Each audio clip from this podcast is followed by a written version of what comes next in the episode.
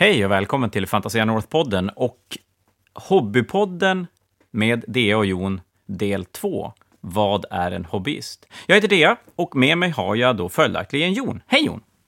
Tjenare!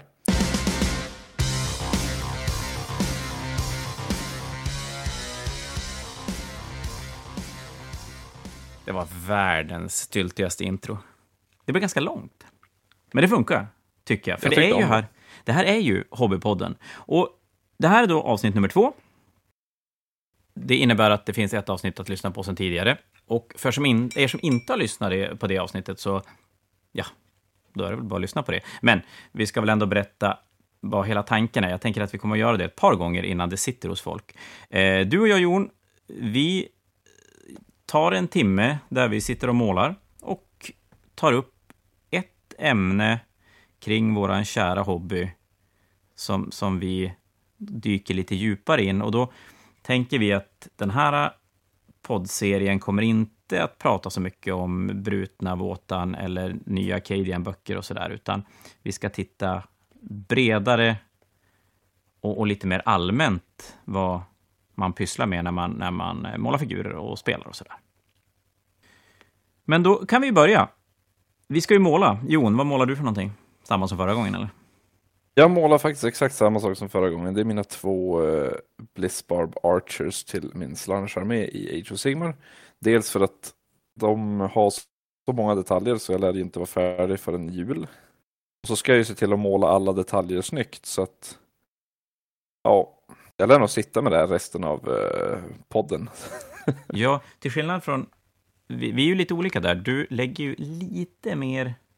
Även om jag är ganska, jag är ganska pillig. Jag har svårt att och, och, sådär, bara slarvmåla ihop saker, men det är skillnad på våran målning. Så är det. Eh, Du vinner Best in Show. Det gör inte jag längre. Jag sitter kvar i målning anno 1997. Ja, det är ju, det är ju. Jag har typ samma färgschema också. Eh, typ. Varenda gång. Ja. Jag, jag, vet vad jag kan. Jag tycker det är ganska soft och, och, och göra det jag, det jag känner mig trygg i faktiskt. Eh, och, och måla väldigt mycket för... Jag målar inte så jävla mycket för utmaningen alls. För det gör ju du, definitivt. Att En aning, testa nya saker och, och hela tiden som sätt utvecklar sig själv i sitt målande. Jag målar ju för att jag tycker att det är jävla mysigt att måla. Men jag har ju sjukt lite behov att bli bättre. Jag, har, jag tycker det är ganska okej att bli snabbare, men jag har testat lite kontrast och grejer och det funkar inte alls för mig. Det, det går lite för fort. Och då tappar jag lite grann det här äh, roliga pillet som jag ändå tycker om. Så det, det slutar med att jag sitter och ja, men målar i klassisk manér. Jag highlightar och jag, jag edge-lightar framförallt väldigt mycket. Och sådär. Så att, men jag, jag trivs med det. Och det är väl kanske ändå det viktigaste, tänker jag. Mm. Jag sitter och målar systrar. Så från förra gången, vi kan ju avslöja för folk att det är inte så jävla länge sedan, sedan förra gången, så, så sitter jag och målar mina tre Paragon Warsuits. Jag inser att de är lite grann som Chaos Space Marines. Ja, det är fruktansvärt mycket uh, såna här, eh, vad heter det? Så, såna här metallkanter på dem. Hur mycket som helst. Ja, Och det är det ju inte på vanliga systrar, så att det blev lite annat att måla, men det, det tar sig, gör det. Det är Men, bra att du inte ger upp.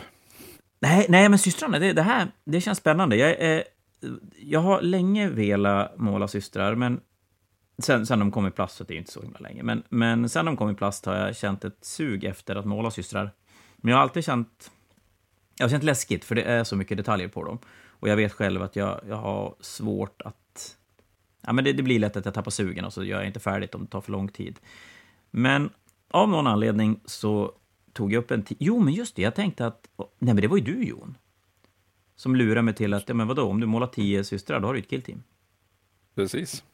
Och det var ju det jag gjorde. Och så insåg jag att de må ha mycket detaljer, men de är fruktansvärt tacksamma att måla. Ja, de är inte riktigt som uh, Death Guard som har fluglarver i varenda skrev.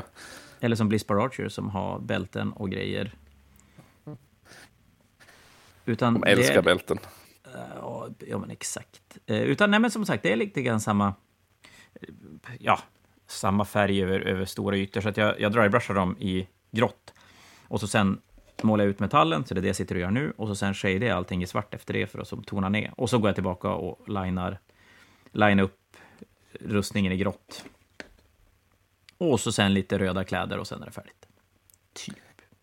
Och är ni sugna på att se deras eh, vackra systrar så kan ni gå in på Fantasia North Sweden på Instagram, eller hur? Exakt.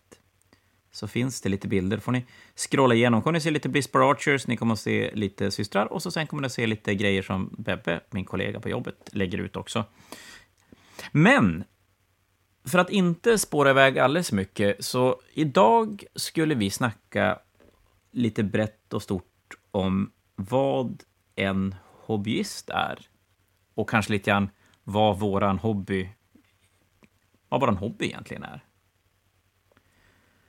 Ja. För, för vi pratar rätt mycket om, alltså det blir ett, i många att det är ett spel, eller så målar man. Jag vill ju jättegärna säga att det här är en hobby som har massor av olika delar i sig.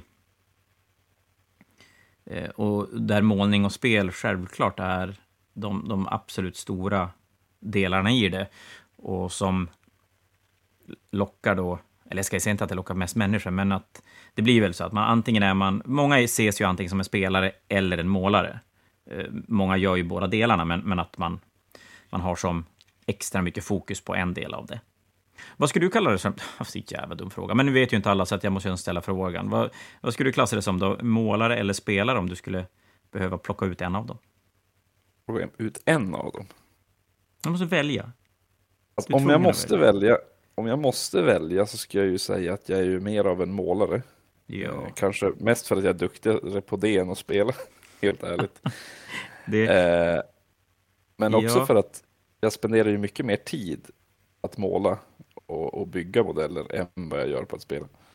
Ja, och det är lite samma sak för mig faktiskt. Men jag tror att min eh, förklaring till det skulle vara så här, att jag skulle aldrig spela Warhammer om man inte målade figurer. Men jag skulle måla figurer även om man inte spelade Warhammer. Och då tror jag att då blir resultatet att då blir jag nog mer en, en målare än en spelare, även om jag uppskattar båda delarna väldigt, väldigt mycket. Mm. Jag, jag, är ju lite inne på samma spår. Om jag inte skulle få måla, då skulle jag nog inte spela Eh, Warhammer. Men sen är också frågan, jag är inte säker på att jag skulle sitta och måla så mycket som jag gör om jag inte fick spela mer också. Det, om det aldrig hade funnits ett spel, så att alltså det, det, det, existerade inga figurspel, utan det var verkligen bara måla för målandets skull, då tror jag inte jag heller skulle måla så mycket, för då skulle jag nog hamna i att jag hela tiden skulle vilja göra det bättre, och då skulle jag tappa sugen, för att jag skulle som... Jag skulle komma till knölar i, i mitt utvecklande som jag inte skulle orka ta mig över, och så ska jag bara släppa det. När man har spelandet i bakgrunden så kan man om något annat bara säga att jag ska måla en armé, sen om jag aldrig kommer använda armén, det för min del spelar inte det så himla stor roll. Det är tillräckligt mycket för att jag ska som göra färdigt ändå. Eh, men så här i efterhand, när det faktiskt finns ett spel, då ska jag nog mycket väl måla ändå och, och måla färdigt arméer och ställa på hyllan, för att för mig är en stor del av, eller vad ska vi säga, glädjen i hobbyn, en stor del av det är just färdigställandet av saker och ting. Att göra baser och ställa upp på hyllan och bara fan, nu är jag färdig, gud vad duktig jag var. Mm. Det är ju en som stor del för mig i hobbyn att faktiskt få bygga en armé och ja, men ställa upp den på bordet. För varenda spel blir ju lite att visa upp sin armé. Och eh, varenda turnering med spel är också att då är det också tävling i, i att måla. Vilket jag tycker är trevligt. Ja, och även om man inte känner att man är en del av den här tävlingen att måla så är det ju fantastiskt. Det, det brukar jag säga till alla som tycker att de är så dåliga på att måla så det är inte lönt att måla, utan man vill låta andra måla sina figurer. Men att även om man inte är tillräckligt duktig för att vara med och tävla, inte ens nästan, så det är ganska stor chans om man är och spelar bland annat folk, att folk kommer att poängtera din, din armé på ett positivt sätt. Ja, för att man har någonting, man kanske har valt ett färgschema, man kanske har gjort några baser, man kanske har valt en cool gubbe, konvertera någonting, vad det nu än kan vara, som gör att någon blir så här, wow, fan vad coolt. Och, och den lilla, lilla kommentaren, äh, den är värd mycket. Det går inte att komma mm. ifrån. Och det känns ju inte alls lika kul om någon kommer fram och säger “Fan vad cool gubbe, armé, eh, färgschema, whatever det kan vara” och du bara mm, “Tack, det är inte jag som har gjort det”. Känns inte riktigt lika roligt. Det gör ju inte det. det, det så att det, det är väl en liten sidnotis att säga att äh, gör, gör själv. Alltså, det finns så många sätt att göra det enkelt som vi kommer att prata om längre fram i avsnitten i den här hobbypodden, där, så att alla kan få en, en helt okej okay målad armé och, och, om man vill spela. Och tycker man om att måla, då, då kommer inte det vara ett problem, för att då tycker man om att måla. Men man behöver ju inte måla för att hela tiden bli bättre. Man kan måla för att det är bara mysigt att, sitta och, jag vet inte, kolla på fotboll som jag gör nu och måla lite figurer. Om ni undrar så det var imponerande. Kan du måla, se på fotboll och prata samtidigt? Ja, det är helt galet. Fotbollen blev ganska sekundär, men det är City-Chelsea, ligacupen i engelsk fotboll. Jag fick inte se Arsenal, för det visar de inte på tv, men det var en annan femma. Eh, ja, men du, vad sa vi? Vi sa att vi skulle snacka lite grann om vad en hobbyist är. Och det är ju ett ganska stort och flytande och alla känner nog att de vet precis vad en hobbyist är. Men vi tänkte väl att vi skulle kunna bryta ner det i, i lite mer, i mindre bitar. Mm. För det blir ju lätt eh. att tänka sig att hobbyisten, det är målaren. Egentligen. Eller byggaren. Mm. Men det är lite det vi har täckt. Det är lite det vi har täckt nu också, att eh, just ganska mycket om målning. Mm. Men måste man, vara, måste man uh, måla för att vara en hobbyist? Ja, men precis, måste man vara det? Och jag, jag tycker väl att det behöver man väl egentligen inte vara. Uh, det, det, finns en, en hel del annat. Man, det finns ju de som bara tycker om att, att bygga figurer. Och det är klart, det, det hamnar ju väldigt nära målningen, gör det.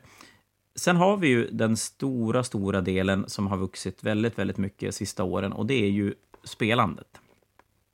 Jag kan inte minnas att det någonsin har varit en sån stor del av communityn som målar för att det är ett ont måste för att man så gärna vill spela spelet. Det känns som att det har blivit en uppsving, särskilt i commission painters eh, med eh, hela den här internetgrejen som vi snackade om förra gången. Ja, det har det. Och då kanske vi, vi kommer bara så här skjuta oss vidare in i ämnet. För, för ett internet är ju jättebra för vår hobby. Vi kan lyssna på andra, folk kan lyssna på oss om man, varför man vill göra det, men, och man kan titta på andra som gör och få väldigt mycket inspiration. Du pratade i förra avsnittet om din första Battletome, eller Army Book, och hur mycket den gav dig. Och det är klart, det är ju bara en liten, liten bråkdel av vad folk får tillgång till nu om man bara väljer att googla Warhammer. Men det finns, tycker jag, ganska mycket faror i det där också som... Det, det, kan låta lite löjligt när jag säger så, men det, det känns som att det kan bli... Ett, det kan bli ganska mycket. Och ska man försöka ta inspiration och det finns oändlig med mängd inspiration så är ju frågan om folk kommer landa i att man bara man letar bara det nästa istället för att bara bestämma sig och börja måla till exempel. Det finns ju så ohyggligt mycket. Det finns ju så ohyggligt mycket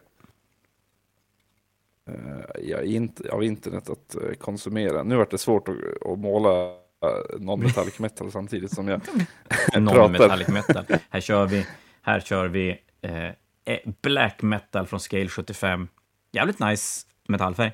Fruktansvärt jävla dåliga burkar, men det var en annan femma. Eh, nej, men, jag, älskar, jag älskar också deras metallfärg. Men burkarna är värdelösa, de torkar igen hela tiden. Jag vet inte vad jag gör för fel. Eh, någon kan säkert berätta för mig. Så man får lyfta på pipen och hälla ut lite färg. Ja, i alla fall.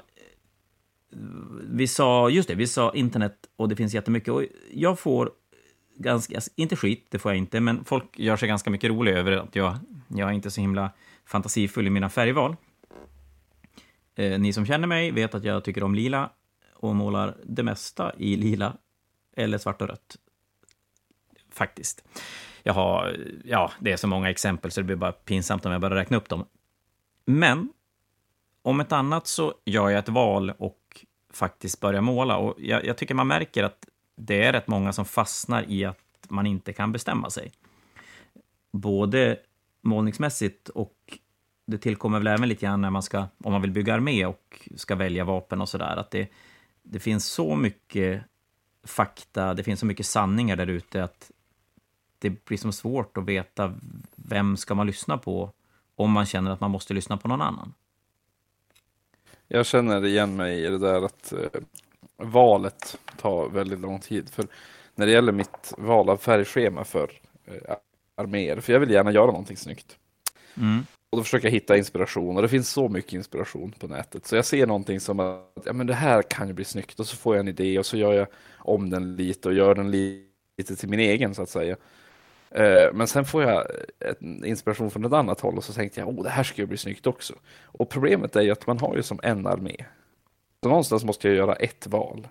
Men om jag har oändligt många val eh, alltså, presenterade för mig, då blir man som fast.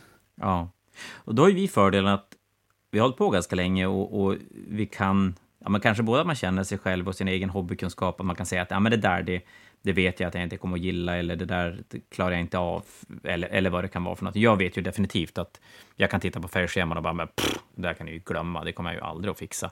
Och, och då blir det ju lätt, då kan man ju liksom sålla bort på vägen. Och, men, men det är klart, har man inte det sen tidigare i bagaget, utan att man, man känner att allting när man tittar på andra som gör så känns allting doable. Det är klart jag kan måla gula Space Marines eller, eller, eller vita Lumineth eller vad det är för någonting. Men det kan ju lätt bli jävligt övermäktigt när man inser att det, det är svårt, på riktigt svårt, och att man kanske tappar lite sugen då när man känner att det inte blir bra och det kanske inte blir färdigt.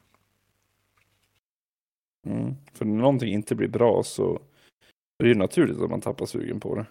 Eh, ja. Då har man ju fördelen att, att veta att Ja, lite vart man skulle sätta ribban från början. Och det är ju också det som är problemet med internet som vi också pratade om eh, förra gången, är att man kastas in i den djupa änden av poolen direkt. Man får inte riktigt tid att utvecklas i sin egen takt. Nej, nej men exakt. Och, och då kan det bli... Ja, men som sagt, man, man tar sig lite vatten över huvudet. Jag tycker man ser det ganska ofta på målare generellt, och har nästan alltid gjort. Målare som börjar och så sen blir de snabbt ganska duktig, men sen tar de ett steg för, ett stort, för stort steg. Istället för att bemästra ena tekniken så hoppar de direkt till nästa och så är det nästan så att totalkvaliteten blir sämre, eller totalresultatet blir, slutresultatet blir sämre. Och, och, där kan många tappa sugen, när man, för det är ju inte så kul att känna att man blir sämre på det man gör. Nej. Det är Men, ändå en liten naturlig progression. Absolut. sämre.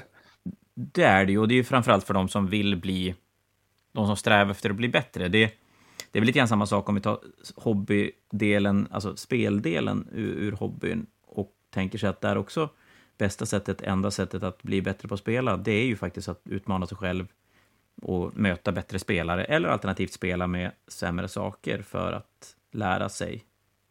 Det, sen är det klart, det ger mycket att spela mycket också, men man, man bör nog hela tiden försöka i så fall utmana sig själv för att bli bättre. Men som sagt, en stor del av hobbydelen är ju faktiskt spelandet också. Men sen har vi en del också som egentligen glöms bort, för de märks ju sällan i bland oss andra, och det är ju de som egentligen konsumerar väldigt mycket lore. För det finns ju, 40K framförallt 40K kanske, men även gamla fantasy och Age of Sigmar har ju rätt mycket bakgrundsmaterial man kan sänka, sänka sig Och jag märker det på jobbet när man börjar prata Heresy eller, eller Primari Space Marines eller vad det nu kan vara för någonting, att lätt har man ramla, svamlat bort en timme där man snackar eh, lore med folk.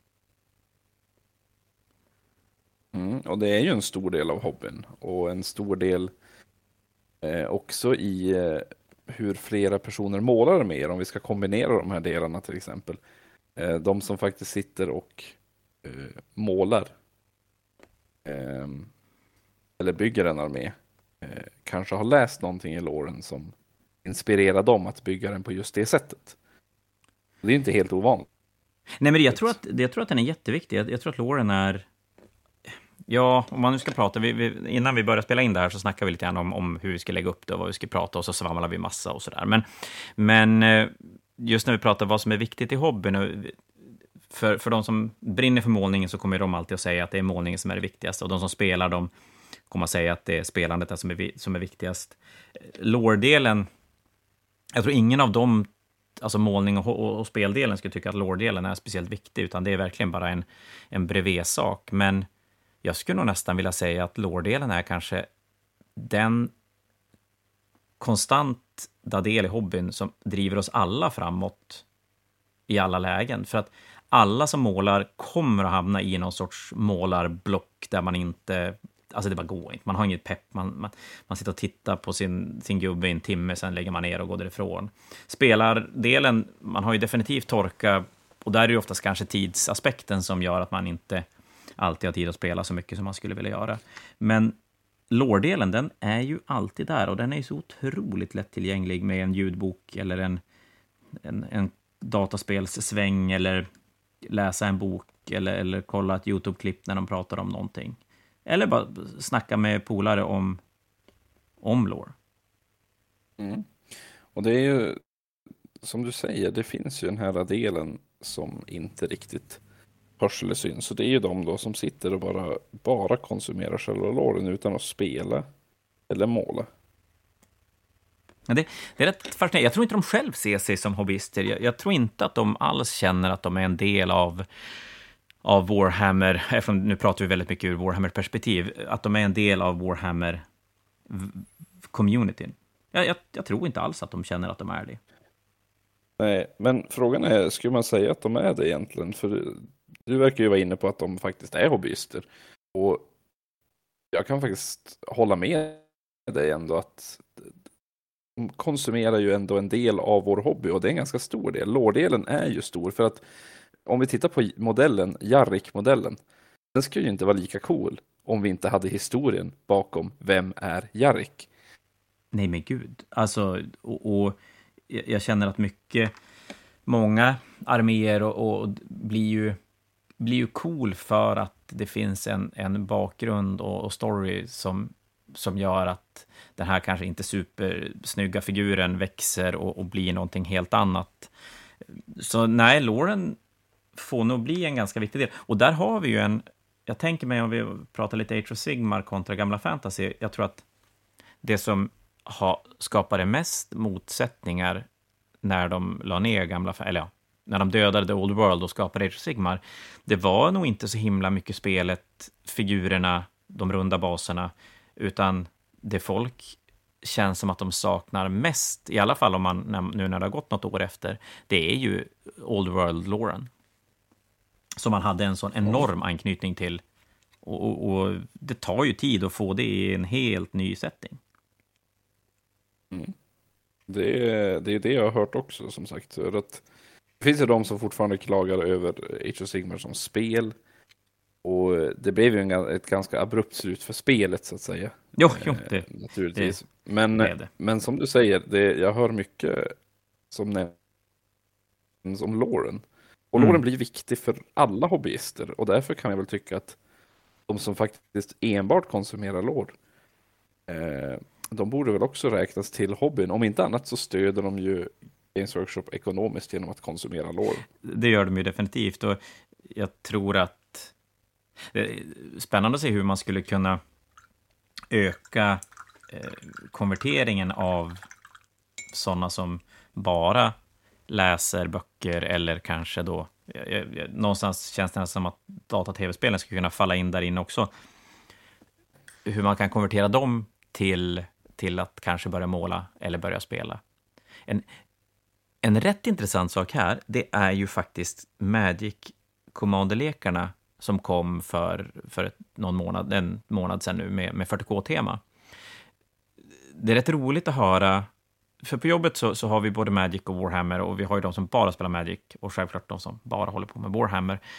Och där har vi ju nya hobbyister som har som koll, lite mer koll på båda och det, det är rätt roligt att höra Magic-spelare som har börjat kika på de här kommandolekarna och ändå tyckt att karaktärerna som är med är spännande och uppenbarligen letat upp mer information om dem på nätet. Men när de pratar om dem så pratar de om dem i Magic-termer, fast i 40K-lore. Det är sjukt konstigt. Tycker jag. Det är ett nytt, sätt att, eh, nytt sätt att, det är ett nytt sätt att uppleva 40K, kan man ju säga. Ja, det är det. Och det var faktiskt ganska, det var ganska roligt, måste jag säga. Det, det, var, det var annorlunda. Men... eh, Och, och jag tror att just den där grejen är ju en fantastiskt bra sätt att få in ännu mer lore-medvetande hos folk och, och få folk att inse att 40K-loren då, som det är i frågan om när det kommer till kommandolekarna, är fruktansvärt bra sci-fi slash fantasy, fantasy lore. Det är ja, det, en av de bästa, tycker jag själv i alla fall. Den slår Ja, Star Wars på fingrarna. Gör den. Du kanske inte håller med mig, men du har fel. Nej, du höll med mig. Coolt. Jag håller med dig, jag håller med dig. Ja, men då så. Då, då behöver vi inte bråka om det då. Det är ju jätteskönt. Eh, men har vi... Jag, jag tänkte säga att vi, nu har vi pratat och- lite grann om det här, men, men bra dåligt. Finns det någon... Kan man säga att någon del är bättre eller sämre än en annan? Nej, det kanske man inte kan göra. Nej, det känns dumt. Ja, det, är väl, det, är väl mer, det är väl mer egna preferenser egentligen. Så det är ju inget som är nödvändigtvis bättre. Men, Men jag kan kan ju inte säga... Jag, jag, kan ju tycka, jag kan ju tycka att målning är absolut eh, viktigast, men jag, jag är ju lite mer i mitten av alltihop. Jag tycker ju att låren är superviktig och jag tycker att målning och, och byggning, eh, byggande och allt sånt där, det är superviktigt. Och, och spelet är också superviktigt. För, att, för mig så hänger alla de här ihop med Warhammer. Och att alla finns där är ju väldigt viktigt för min, min egen hobby. Jag skulle inte vara en hobbyist om det inte fanns ett spel. Men om det bara fanns ett spel och inte fanns målning, att allting var färdigmålat ur, ur lådan, inte skulle jag ju spela det här då. Nej, du, det, faktiskt, det, det Eh, är och jag skulle... spot on.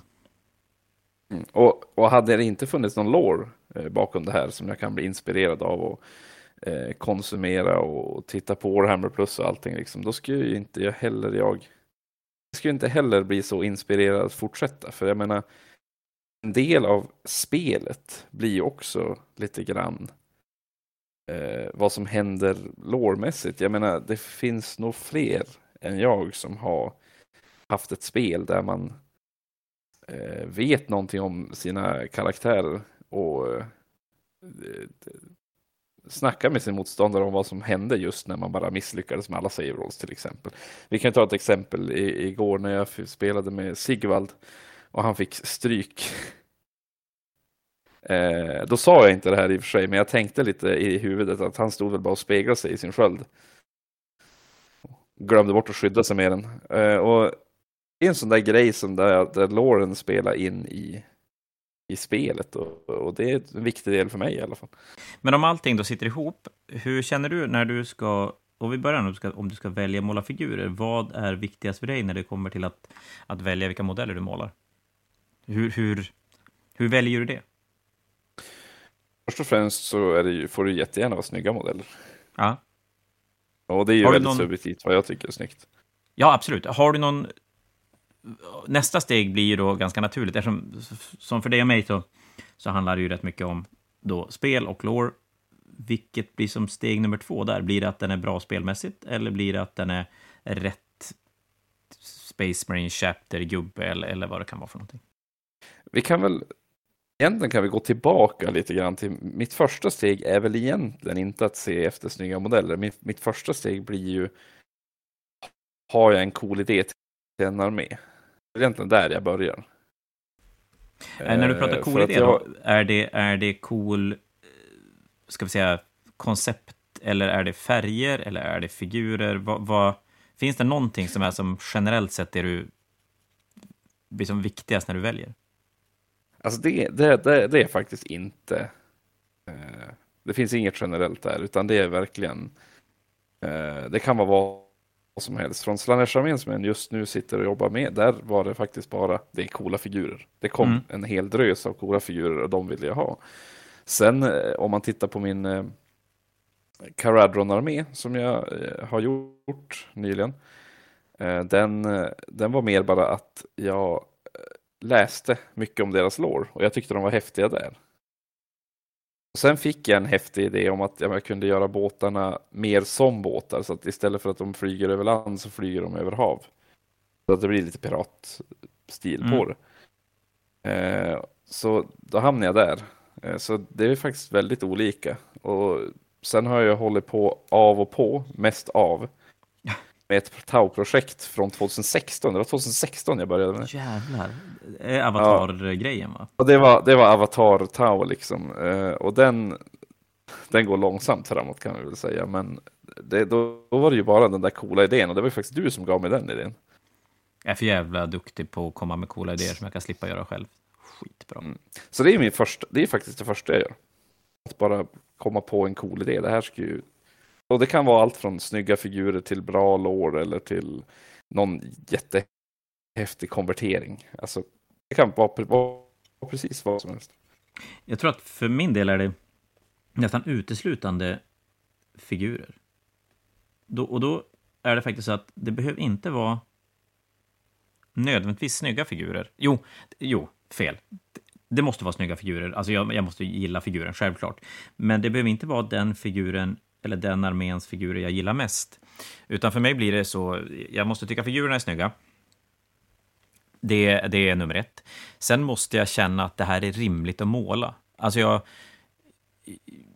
Jag vet själv, om vad, vad ska vi ha för exempel? Ja, men till exempel skulle jag säga att eh, Slanners eh, Mortal-delen, den, den skulle gå bort, för det ska jag aldrig orka bry mig om. Systrarna var ju lite grann så tills jag faktiskt tog tag i det, att jag bara tittar på dem och det här kommer jag aldrig orka måla. Det, det, det här går inte. Jag, jag, Tau till exempel är en sån armé som jag, jag tycker är skitcoola gubbar, men jag skulle aldrig nog börja bygga en armé, för jag, känner, jag känner direkt att det där kommer, jag kommer inte att tycka det är kul att måla. Och då blir det, kommer det aldrig att bli någonting. Så för mig blir det absolut viktigast. Jag är ju ganska likgiltig till Lauren när det kommer till själva hobbydelen, eller, eller om vi ska knyta Lauren till, till spel och till, till målning så är Lauren något helt annat för mig. Den, den har nog aldrig påverkat mig när det kommer till att välja armé, välja färgschema eh, eller någonting sånt. Eh, utan det, det är bara en, någonting som ja, det ligger som helt isolerat för mig i, i min hobby. Och, så, så målning, och samma sak med färgschema. Jag väljer ju bort färger som jag bara, det här kommer inte jag att palla måla, så då skiter vi i det. Det är så man blir färdig, ja det, det, är väl så man i alla fall inbillar sig att alltså, man blir färdig. Nu är jag ju ganska halvdålig på att göra färdigt ändå. Jag är ju ändå, jag tror att du var inne på det där tidigare, att anledning till att bli färdig och jag spelar lite för få turneringar så att jag har sällan det här äh, turneringshetsen för att göra färdigt. Men det är ju annars det absolut bästa sättet att bli färdig. Ja, det kan jag hålla med om. Eh, kvällen före Fnatic har jag fått färdigt fler arméer än vad jag har fått utanför den, om man säger så. Ja, ja du har ju suttit basafigurer på lördag morgon medans... Det var faktiskt lörd lördag efter första matchen var det till och med. Ja, till och med det. Ja, galet. Det... Ja, vi har ju ändå bästa historien om killen. Ja, det är ju, det är ju en, det är min andra kollega på jobbet som ska vara med på Fanatiken och kört taxi under den här perioden och få en körning till, ja, nu kan jag vara ute och cykla, men jag tror att han fick körningen upp till Kiruna och så är han inte färdigmålad. Så att den armén målas i bilen körandes till Umeå, till Fnatic-lokalen. Vilket man kan ju bara tycka att ja, men det där är ju, måste ju bara vara på. Men han har dipp, alltså den här gamla, om, man, om du kommer ihåg den här Army Painter-dippen som fanns innan shade och kontrast och allting var en grej. Han har använt den och när han spelar så lämnar armén eh, ringar av, av eh, dipp när han på bordet går omkring. Det är bra grejer. På tal om sista, sista, sekunden, sista sekunden målning. Men vi hade ju en liten annan sak som jag också känner att jag skulle vilja prata om nu. Och det var, på tal om det här med hobbyister, och då kommer jag prata om lite grann om, om, om ja men egentligen det jag avskyr, men bra eller dåligt. För en sak jag älskar med Warhammer-hobbyn, det är att till skillnad från nästan allt annat du pysslar med, framförallt i vuxen ålder, så spelar det ingen roll om du är bra eller dålig. Alltså, du kan vara sämst på att måla, men målar du så kan du, kommer du få, som sagt, du kommer att få lite beröm av, av dina figurer nästan oavsett hur det ser ut. Eh, du kan vara sämst på att spela. Det är ingen som kommer att bry sig, för de som tycker om att spela, de fick en gratis vinst. Och är du dålig på att spela, då kanske du inte bryr dig så himla mycket om om du vinner och förlorar, vilket gör att det oftast blir fantastiskt roliga matcher, för att det blir fokus någon, någon annanstans. Du behöver absolut inte bry dig om Lauren. Eh, gör du det så kan du läsa böcker och det spelar ingen kommer att förhöra dig om det var rätt eller fel. Eh, och, och det, det, tycker jag är någonting som är så, så sjukt viktigt att egentligen alltid uppmärksamma när man pratar Warhammer-hobbyn. Att den är så fruktansvärt tillgänglig för alla. Men här går GV ut... Nu ska vi se, vad var det för figur här? Det är jättenyligt. Det var... Det var Våtan-figurer var det. Då, de går ut och säger i sin community-artikel att vi har gett figurer till top hobbyists, använder de ordagrant. Och så sen är det tre personer som har fått Wotan-figurer och målar upp. Och de är ju så snygga så att det gör ju ont att titta på dem. Men jag blir så här, äh, vad säger det till den här tjejen, killen som spenderar två timmar varje kväll med att måla och spelar däremellan, läser bara Black Library-böcker, spenderar otaliga tusen kronor på figurer varje månad, men är ganska kass på att spela, rätt usel på att måla, inte så duktig på att limma. Vad säger det om den? Ja, alltså just det där ordet som GV använder, är top hobbyist. Eh, om, man titta, om, om, man tittar på vilka som GV kallar top hobbyist, för det är inte första gången man skriver det där. Eh, då är det ju de, då är det de som är jätteduktiga på att måla. Och jag för mig de använde ordet top painter innan. Sen upptäckte de att de inte alltid skickar ut de här grejerna till de som var bäst på att måla. För grund och botten, det som avgör om du är top hobbyist på GVs eh, sociala medier, det är ju hur många följare du har på till exempel Instagram. Ja. Det är i slutändan ja. där det hamnar. Och det är klart, du behöver absolut inte vara bäst på att måla för att ha mest följare på, på, på sociala medier. Så är det. Du är ju du är duktig på att måla, men du behöver ju som sagt långt ifrån vara absolut bäst. Och, och det, då är det ju smart för dem att vända det och inte säga top painter, för att då har de ju inte, då har de inte gjort en målartävling av det. Men... de, värderar inte, de värderar inte själva målningen då, utan då är det mest bara att de håller på med hobby. Men det stör mig så fruktansvärt mycket, just ordvalet top hobbyist för det känns som... Ja, men jag har bara så många på, på jobbet som, som... Alltså, skulle jag plocka ut mina topphobbys, ja men... Vi har de som har spelat alla våra Fnatic-turneringar. De har spelat 42 Fnatic-turneringar i rad utan att missa någon. Vi har de som... Ja, men jag snackade med, med en kille på jobbet i, igår när, när vi började prata Cadia-lådan.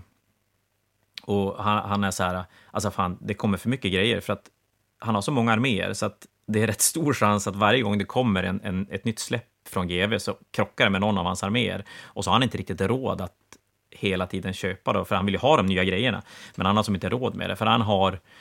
Oj, vad kom vi fram till att han hade? Han hade Eldar, han har Grey Knights, han har Imperial Guard, han har Sister of Battle och han har Tyrannider. Och ganska stora arméer av alla. Mm. I, I, min värld... frågan, jag tror att du och jag ska säga exakt samma sak här. Ja, eh, ska du börja? Du kan säga det. Ja, jag kan du säga kan då. säga det. Då säger jag, ja men i min värld så är ju han en topp hobbyist. Och inte för att han spenderar mycket pengar, det, det, det är ju helt orelevant i det här tycker jag. Det, men han sänker ju hur mycket timmar som helst med att läsa, spela, bygga lister, måla figurer, limma figurer, fundera ut färgscheman. Men han gör det inte på internet. Han sitter själv hemma i sin stuga och, och, och pysslar. Han är min topphobbyist. Ja. Alla gånger. Ja. Eh, jag, jag blir så här... Eh, ja. Kör du, Jon. Nej, kör du. Jag, det blev en lagg där. Det blev en lagg. Ja, men för, för det känner jag så här. Jag vill ju aldrig någonsin att någon ska säga att jag är viktig för hobbyn för att jag säljer gubbar och håller turneringar och, och spelar in poddar som folk sitter och lyssnar på när de, när de målar sina figurer. Det är ju de som kommer på turneringarna, det är de som lyssnar på poddarna. Det är de som är de viktiga. För att Warhammer skulle vara för jävla tråkigt om jag och du målade figurer och spelade och alla som lyssnar på oss eller på andra som är mycket större än vad vi är inte gör det, de bara lyssnar. Då skulle ju hobbyn inte finnas. Nej, och det är just så märkligt där ordvalet just topp-hobbyist, att man ska börja värdera hobbyn. Ja, jag tycker att vi har ju pratat en timme nu om att det inte, att alltså alla delar är ju egentligen lika viktiga. Ja, men också att om man tycker om sin hobby jätte, jättemycket eh, mot att man kanske har hobbyn som ett jobb. Ja. Eh, vad, vad, eh, blir det någon skillnad där? Eh, och då tänker jag just på, specifikt på de här Instagram-målarna som är jätteduktiga och eh, säkert väldigt bra hobbyister i sin egen grej, men varför, varför ska de vara eh, bättre hobbyister? Eh, eller varför ska GV värdera dem som en, en hobbyist av högre rang än någon annan? Nej, och det är ju inte säkert att de egentligen är det de menar. Och det kommer säkert sitta flera av er som lyssnar kommer tycka att men vadå, nu hänger ni upp er på, på ordval. Och det gör vi ju egentligen bara för att om vi tycker så, så kommer det definitivt vara fler som tycker så. Och i det här fallet så, så känns det som att det, det ger så himla lite, för att alla kommer att titta på de här figurerna och tycka att de är skitsnygga. Vissa kommer att bli superinspirerade av dem och, och, och vilja bygga egna Wotan. Men just det där ordvalet, färre kom, det, är inte, det är inte färre som kommer att läsa artikeln för att de, de har, har, sagt att de har delat ut figuren till hobbyister som har målat dem. Tycker jag. Och jag tror att initialt, det här kommer nog inte ha någon sorts im, impact på, på, på, kort tid. Eh, jag tror att det, det är inte supermånga som har, har brytt sig i den nivå som jag har brytt mig. Men jag tänker lite grann in the long run, för att nu när vi har snackat om vilka hobbyister det finns och, och vi har täckt av byggaren och målaren och spelaren och, och lore, lore-läsaren och allting däremellan. Men de senaste åren har det ju dykt upp en ganska stor kategori hobbyister. Eller ja, här är jag tveksam att jag vill kalla det hobbyister. Men det har dykt upp en, en skara människor som konsumerar otroligt mycket av våran hobby. Men bara genom att titta på andra som utövar sin hobby i, för det mesta då, arbetsform. Och då tänker jag då på att de som tittar på när andra målar, de som tittar på när andra spelar. Ja, det är väl egentligen bara lårdelen för att lyssnar du på andra som pratar om lår, då, då konsumerar du ju låren själv på, på, jag höll på att säga, det enda sätt som går att göra. Men just, just tittandet och av, av målande och spelande och här är jag ju... Det, det har ju under de senaste åren, eller tio åren, har ju med 3D-printen, har ju 3D-printen kommit upp som en så här, det, det här är, hur ska GV hantera det här? Det här kommer att bli jättejobbigt och inom x antal år kommer folk bara printa sina egna figurer och ingen kommer att köpa gubbar och sådär. Eh, och, och, det är klart, eh, eh, från min jobbperspektiv har det alltid varit en sån här eh, lite, lite läskig grej för vad skulle hända om alla skulle printa sina gubbar själv? Vart tar hobbyn vägen då? Men jag har ju insett att det är ju inte där stora faran för framtiden i vår hobby finns. Stora faran...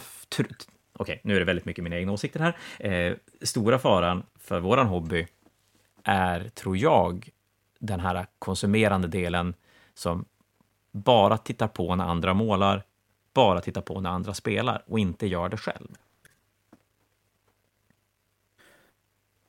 Eh, och det, det blir ju en väldigt, eh, som du säger, kan man kalla dem hobbyister? Alltså jag, jag, jag, jag, jag, ja, nej, alltså jag skulle ju helst inte vilja göra det för att de tillför egentligen ingenting till alla andra delar av hobbyn. Ja, förutom då kanske lore-delen. Men För, för det, jag, det jag känner är att utvecklingen, om, man kollar, om vi tittar på speldelen framför allt, så har ju utvecklingen gått otroligt fort framåt. Eller, inte utvecklingen. Hastigheten i nya produkter har ökat väldigt, väldigt mycket. Jag menar, när du och jag körde igång, eller när du körde igång, så var det ju fem, sex, sju år mellan editioner. Och yes, nu börjar man redan... ett släpp i månaden. Och max ett släpp i månaden. Och nu är det så här, två, tre år på en ny edition. Sen börjar man känna att fan, dags för en ny. Känns som att det här är, nu kan vi det här. Och det, vi har ett nyhetssläpp i veckan. Och om man ser då till exempel sista tiden nu så har det varit, har det varit, oj, på sex veckor tror jag det är, då har det kommit en, en League of Wotan armélåda. Hela League of Wotan-releasen på en helg. En Slave to Darkness-låda och en Cadia Army-låda. På, jag tror att det är på sex veckor. Och, och det är ju enorma mängder och, och pengar och, och, jag menar, skulle det vara så att man spelar KD och Slate of Darkness och blir sugen på Våtan, då, då, är det, då är det kämpigt att hänga med. Men det jag känner också det är just att det går, det går fortare. Internet... När, när så många kan, kan diskutera spel, och, och framförallt det här, i det här fallet är det ju spel, så, så blir, kommer ett facit mycket fortare. Och det jag egentligen tror jag vill komma till här, det är att om du om du och jag, som nu vi sitter och målar varsin start på en armé, jag vet inte hur länge du har hållit på med dina, dina Slanners-grejer. Länge som vanligt. och, och, det har säkerligen varit en ganska lång stund av att fundera ut vilken armé man vill bygga och vilka färger man ska välja och sådär. Och så sen ska man måla det. Och för mig tar det... Ja, jag är ganska långsam i och för sig, men, men alltså en, en normal hobbyist, från det att du väljer vilken armé du ska börja måla tills du är färdigmålad med, säg 2000 poäng, om du som vill ta in hela konceptet spela, bygga, måla. Då, jag skulle säga ett år. Då har man inte tagit lång tid på sig, men man har inte varit supersnabb heller. Nej. Är jag, är jag rätt ute? Ett år, blir, det blir bra. Ja, och sen när man har byggt sin armé, då ska man börja spela. Och en... Du och jag spela Alltså, nu har jag spelat... Imorgon ska jag spela 40K. Och då har jag spelat sju 40K-matcher på två, fyra veckor. Och det är för mig helt ofantliga mängder. Jag tror faktiskt att det är mer 40K på fyra veckor än vad jag har spelat 40K i år, resten av det här året. Till och med. För det har varit ett sånt år. Skitsamma. Säg att man hinner med en ny armé. Säg att man rimligt kan spela max, ja men typ en match i veckan. Det är väl någonstans hyfsat rimligt. Ja. Och då tar det ju förmodligen ett, ja men säg att det tar ett år innan man är ganska färdig med armén. Alltså man har, man har tagit år på sig att bygga den och måla den, man har spelat den ett år. Och sen börjar man känna, fan då börjar det klia i fingrarna och man vill bygga någonting nytt. Man kanske redan har börjat någonting, men att efter ett år där, då kanske då nästa armé är färdig och då hamnar Slanners lite grann på hyllan och så börjar man spela Sylvaneth istället, eller vad det nu kan vara för någonting. Mm. Men, men då är vi två år i processen. Och då blir jag så här, nu kommer det en Generals Handbook och en Neffelin-bok i halvåret. Det uppdateras regler en gång var tredje månad. Det kommer ett släpp med figurer varje månad. Och så här, vilken hobbyist hinner med det?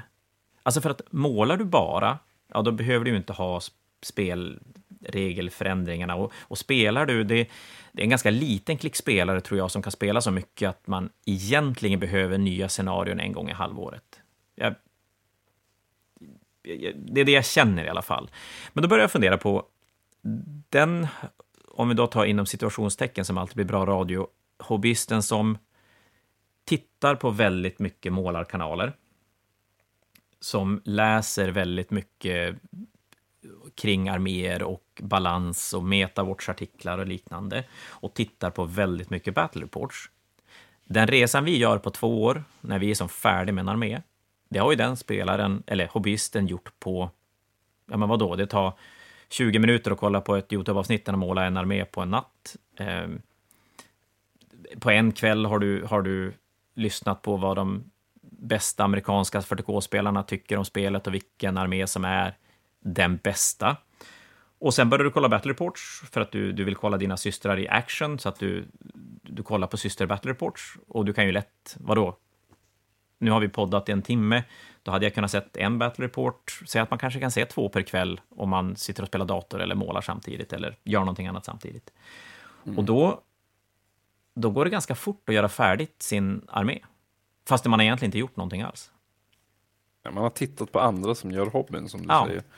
Och en sån typ kommer ju att behöva det här, hast, den här hastigheten av, av content. Som kommer ja, ja, men för det, han är, den personen är ju som färdig. Då är ju, kolla, man vet ju att League of Wotans Battle Fortress är bättre än att spela två Sage Towers.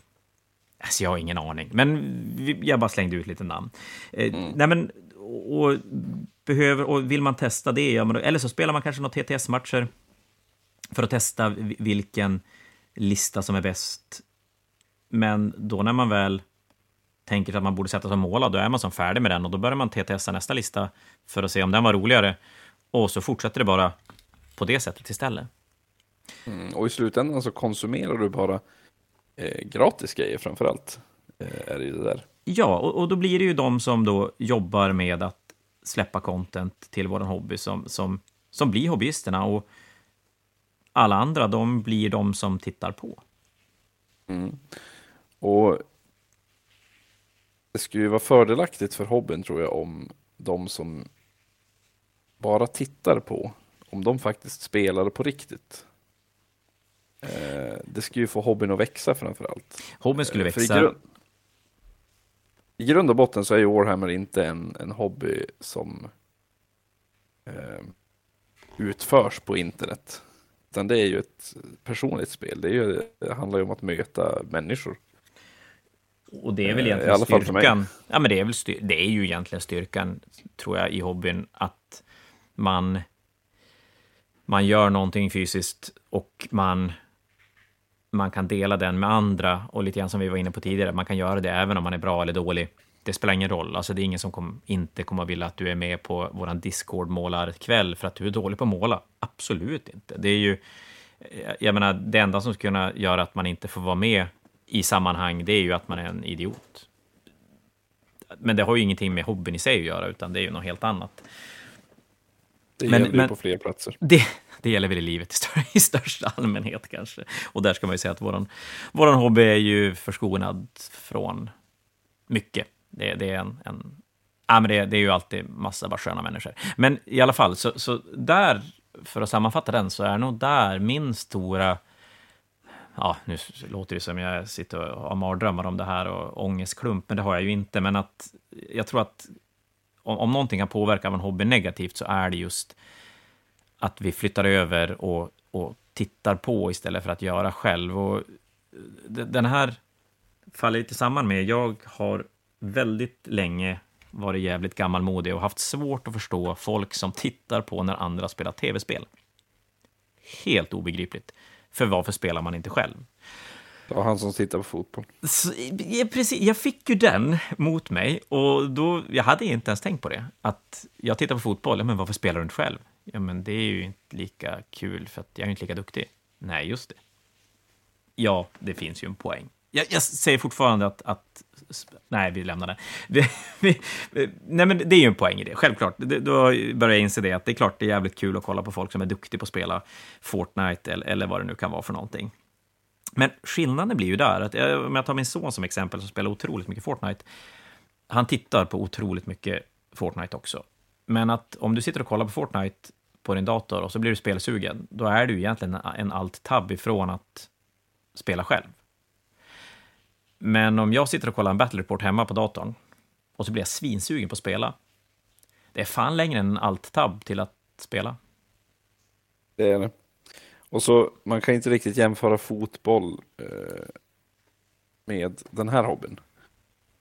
Den Nej. är uppbyggd på ett helt annat sätt. Man blir ju svettig. Nej, men jag tycker dataspelen är en ganska bra jämförelse, för att där mm. kan du som... Ja, men du, du kan ju spela jag är ju dataspelsanalfabet, så ni får ju ta det för vad det är, för jag, jag låter ju jävla dum i huvudet när jag säger det. Men jag, jag tänker att du kan spela dataspel och vara ganska kass och ändå ha lite roligt när du spelar. Eh, men det är roligt att titta på andra som är duktiga. Och jag köper ju lite samma koncept här, att det är ganska roligt att kolla på folk som är duktiga på att måla, duktiga på att spela, för att du ser saker som du inte får se själv när du spelar. Eller att bara titta på när andra spelar blir ju väldigt annorlunda mot att spela själv. För jag till exempel, jag blir så himla inne i min match så att det är ju nästan så att när matchen är slut har jag glömt bort vad jag har gjort för någonting. För jag är så jävla, jag är så jävla på. Eh, så att jag fattar ju grejen att det är kul att titta på när andra gör, men just att steget från att titta till att göra själv blir så jävla stort i Warhammer-hobbyn.